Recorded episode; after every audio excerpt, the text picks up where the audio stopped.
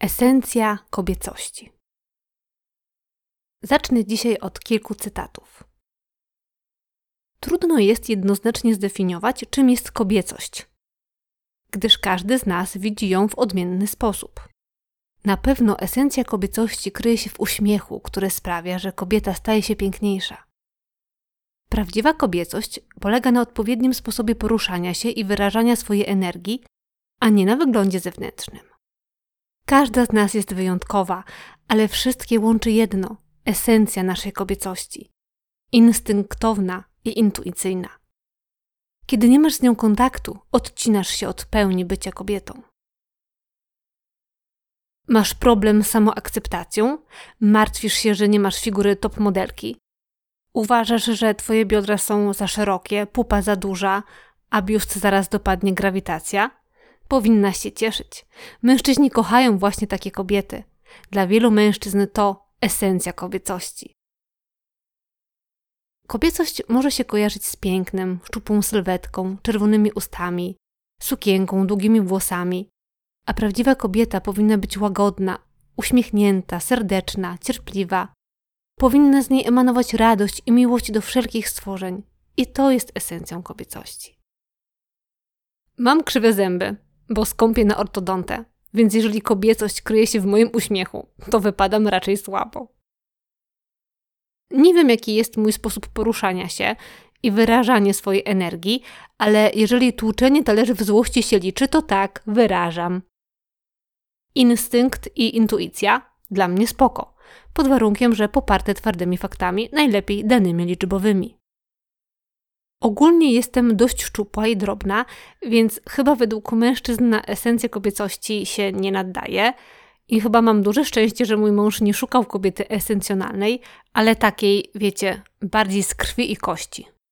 Noszę co prawda sukienki, bo akurat lubię, ale usty nie maluję. Mam krótkie włosy całe życie, nie jestem cierpliwa, a jak to czytam, to nie emanuje ze mnie ani radość, ani miłość, tylko wkurw. Z pewnością, gdyby tylko poszukać, znalazłabym tysiące podobnych treści. Nie brakowałoby również tych dotyczących esencji męskości i budziłby pewnie one nie mniej emocji. Dziś w odcinku jednak dajemy spokój chłopakom i poświęcimy uwagę sławetnym cnotom niewieścim.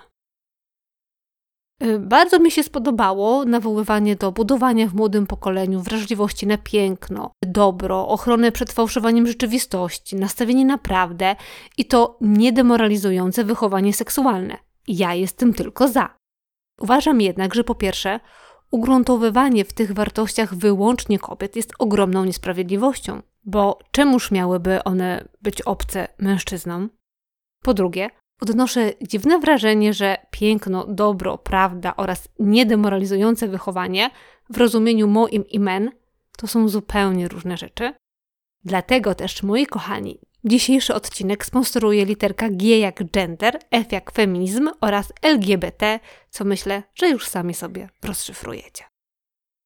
Mało co denerwuje mnie tak w życiu społecznym, jak narzucanie innym powinności, schematów i wtłaczanie wizji i pseudoideałów, do których należy dążyć. Słuchanie tego, jaka powinna być kobieta, doprowadza mnie wprost do szewskiej pasji. I na pytanie o to, jaka, mam ochotę zabawić się w niegrzecznego przedszkolaka i powiedzieć no sraka.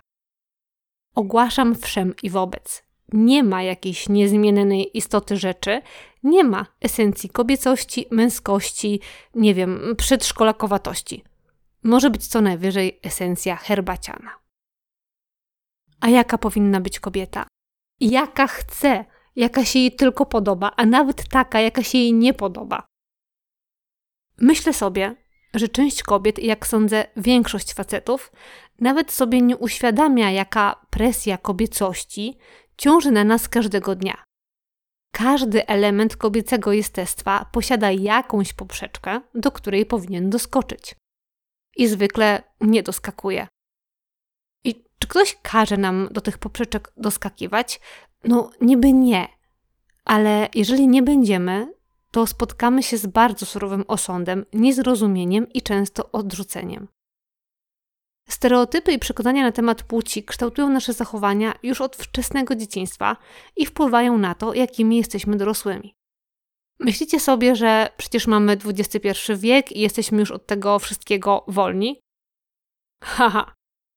Od niedawna, po jakichś 15 latach przerwy, mam w domu telewizję. I wiecie, co w niej puszczają?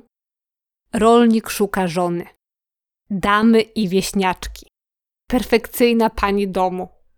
Serio. Pokusiłam się i nawet kilka programów z tej kategorii jakiś czas temu obejrzałam. I dokąd jak dokąd, ale do telewizji XXI wiek jeszcze nie dotarł. Ma bardzo daleko. Nie oglądacie telewizji? Świetnie.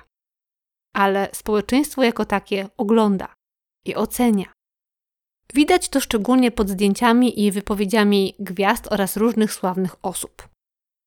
Pośród wielu komentarzy fanów i takich wspierających daną działalność, zawsze znajdzie się też sporo negatywnych z kategorii wygląd, styl życia, e, zachowania i wybory życiowe. No, na przykład. Ja bym się tak nie ubrała. Mini to nie dla pani.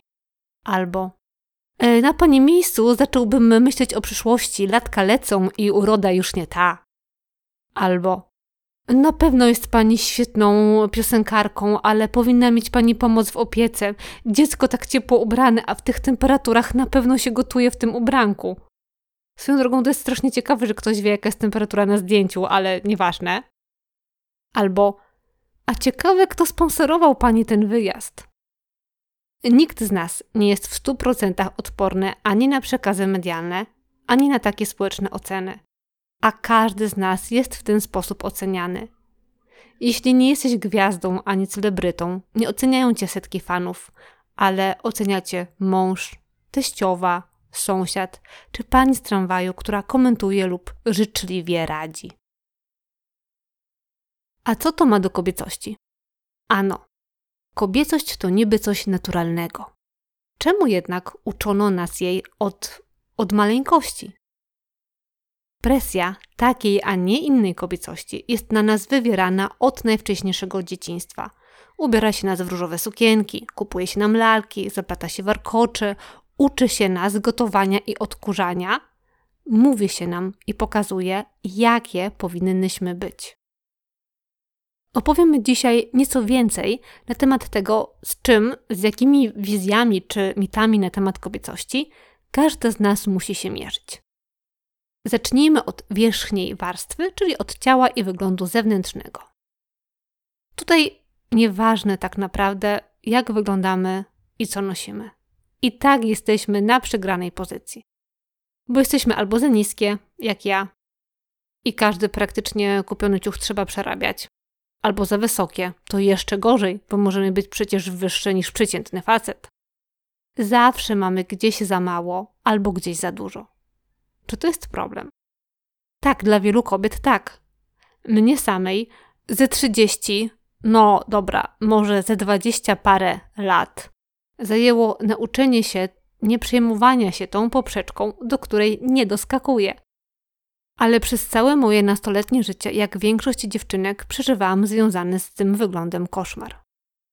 Poza tym dziś, w wieku 30 paru lat, nadal frustruje mnie chodzenie po sklepach, bo nic na mnie nie pasuje. Ostatnio potrzebowałam sukienki na specjalną okazję. Z siedmiu, które sobie zamówiłam, jedna okazała się nie najgorsza. E, tylko trochę wisi i trochę odstaje i jest tylko trochę za długa.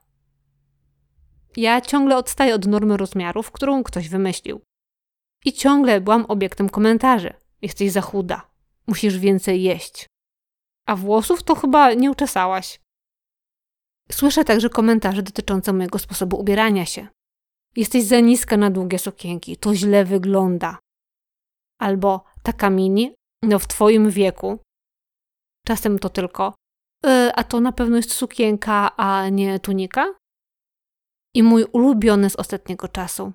No matce to już tak nie wypada. Padłam ze śmiechu. Na szczęście, bo mogłam przecież zacząć wyrzucać wszystkie mini sukienki z mojej szafy. Swoją drogą, gdybym nosiła wyłącznie długie sukienki albo spodnie, to byłabym matroną albo chłopczycą.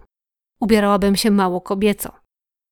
A gdybym ubierała się bardzo kobieco, podkreślając kształty, to z pewnością wyglądałabym jak jakaś ladacznica. Nieważne jak, okazja do negatywnej oceny i komentarza znajdzie się zawsze.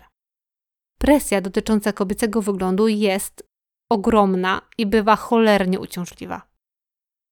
Wygląd to jednak tylko czubek góry lodowej ostracyzmu, z jakim my, dziewczyny, musimy się mierzyć codziennie. Zaraz po warstwie odzieży i ciała kryje się przecież charakter i zachowania. I jak dobrze wiemy, kobiecie nie wypada. Jeszcze jako mała dziewczynka nasłuchałam się, że dziewczynkom nie wypada niestarany nie pisać. Chłopców nikt za to nie ganił. A mnie zdarzały się obniżone oceny z powodu brodkiego pisma. A uczono was, żeby zawsze siadać ze złączonymi nóżkami? I na kraju, a nie na środku kanapy. Nie wypada kobietom głośno się zachowywać. Kiedyś usłyszałam nawet, że kobiecie nie wypada się głośno śmiać. Kobieta powinna się tylko uśmiechać. Kobiecie nie wypada upijać się i przeklinać. Facetom też nie wypada, ale mniej. Przeklinający czy wstawiony facet to może nie jest powód do dumy, ale no jeszcze ujdzie. A kobieta, która się w ten sposób zachowuje, to jest brak hamulców i upadek moralny. Czasami wystarczy, że tylko kupuje alkohol, by spotkać się z badawczym i oceniającym spojrzeniem. Pewnie alkoholiczka. W relacjach damsko-męskich kobiecie wciąż nie wypada robić pierwszego kroku i zapraszać faceta na randkę, bo pomyśli, że jest łatwa albo zdesperowana.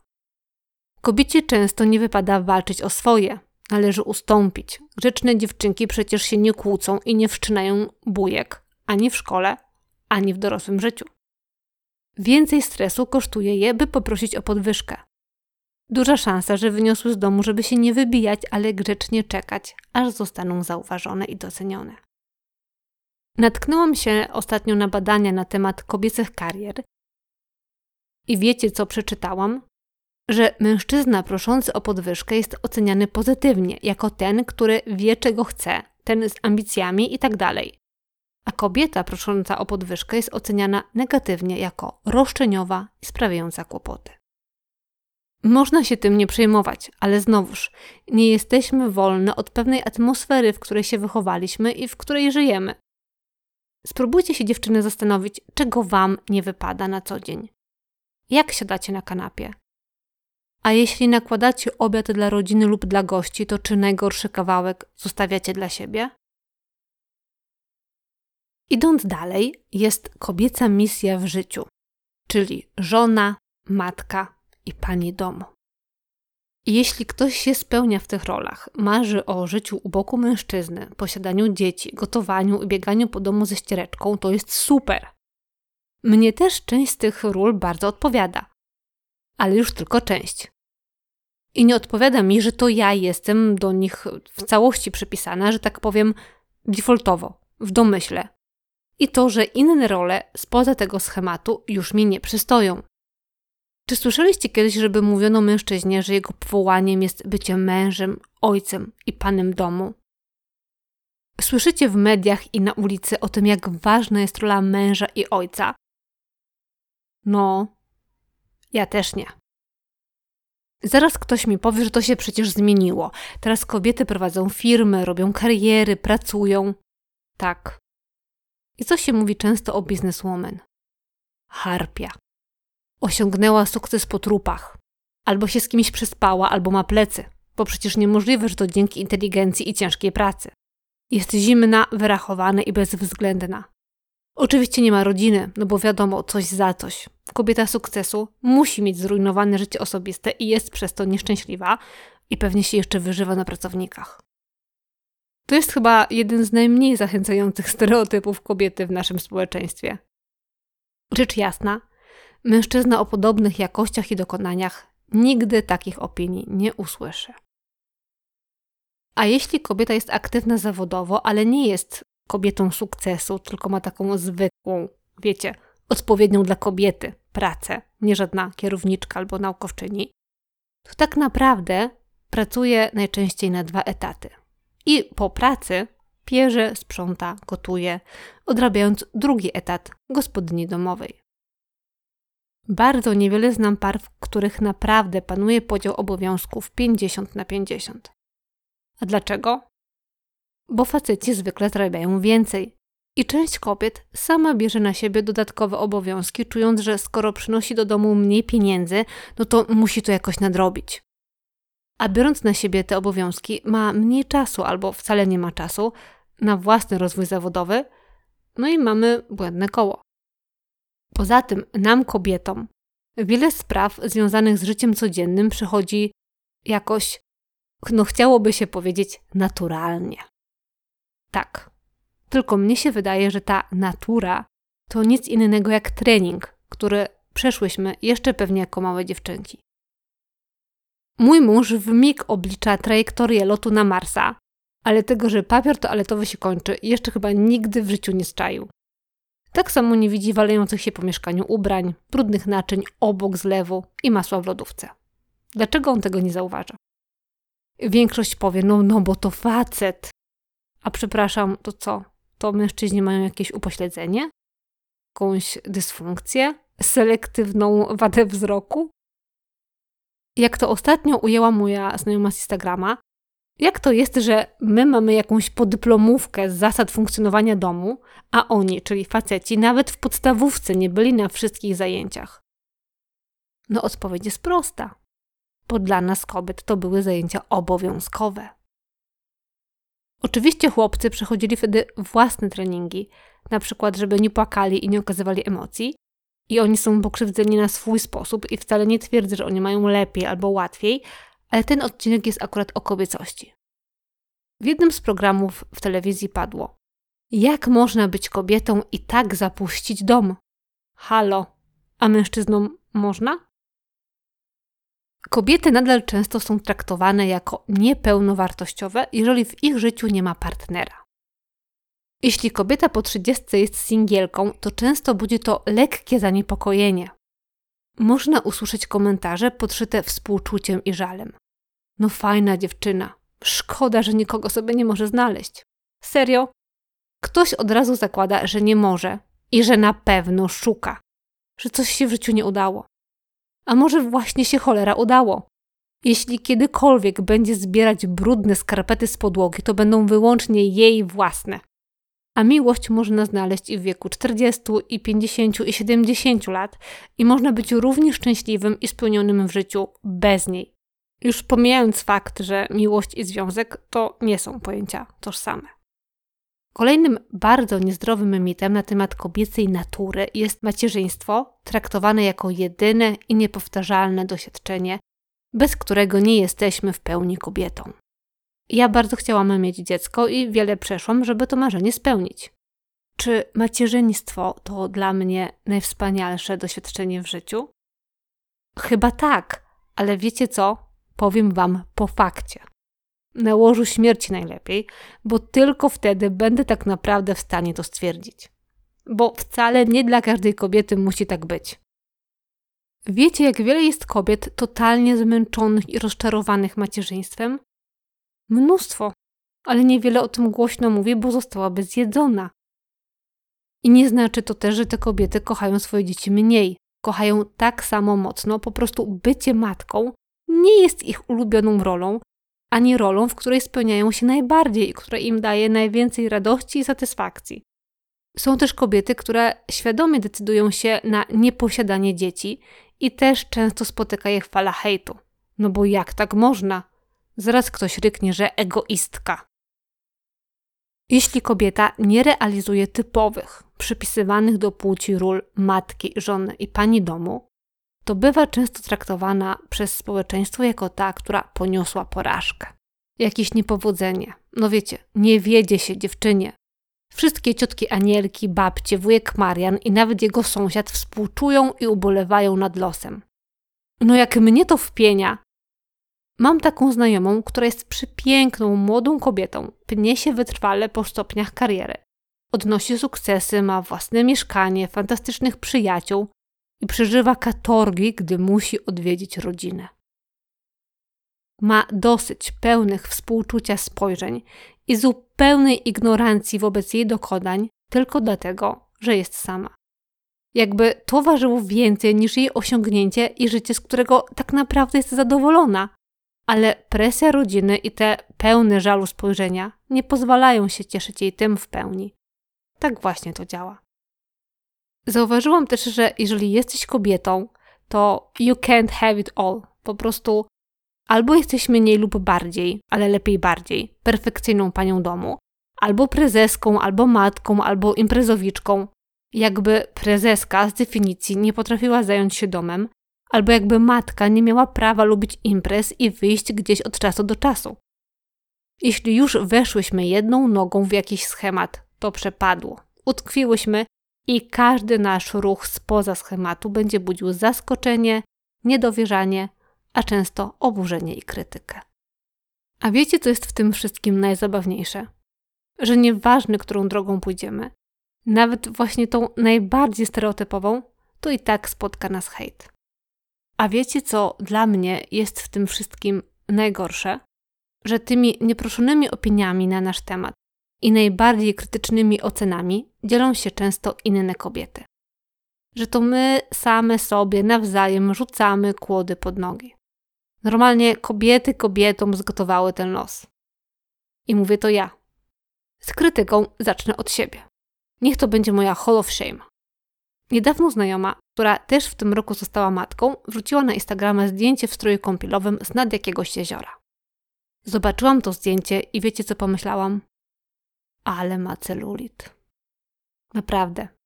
Jest mi wstyd i przykro, ale tak pomyślałam. Oczywiście nie powiedziałam jej tego, ani też nie skomentowałam. W ogóle w życiu, ani publicznie, ani prywatnie nie skomentowałabym czyjegoś wyglądu. W ogóle nic nie komentowałabym nieproszona, no chyba, że to jest szczególnie super. Ale prawdą jest to, że wtedy tak właśnie pomyślałam. I zapaliła mi się czerwona lampka, bo nie pamiętam kiedy, ile lat temu, albo czy w ogóle kiedykolwiek, podobna myśl, podobna ocena czyjegoś wyglądu w mojej głowie się pojawiła. Musiałam się grubo nad sobą zastanowić, co takiego się dzieje, że ja to właśnie pomyślałam. I co?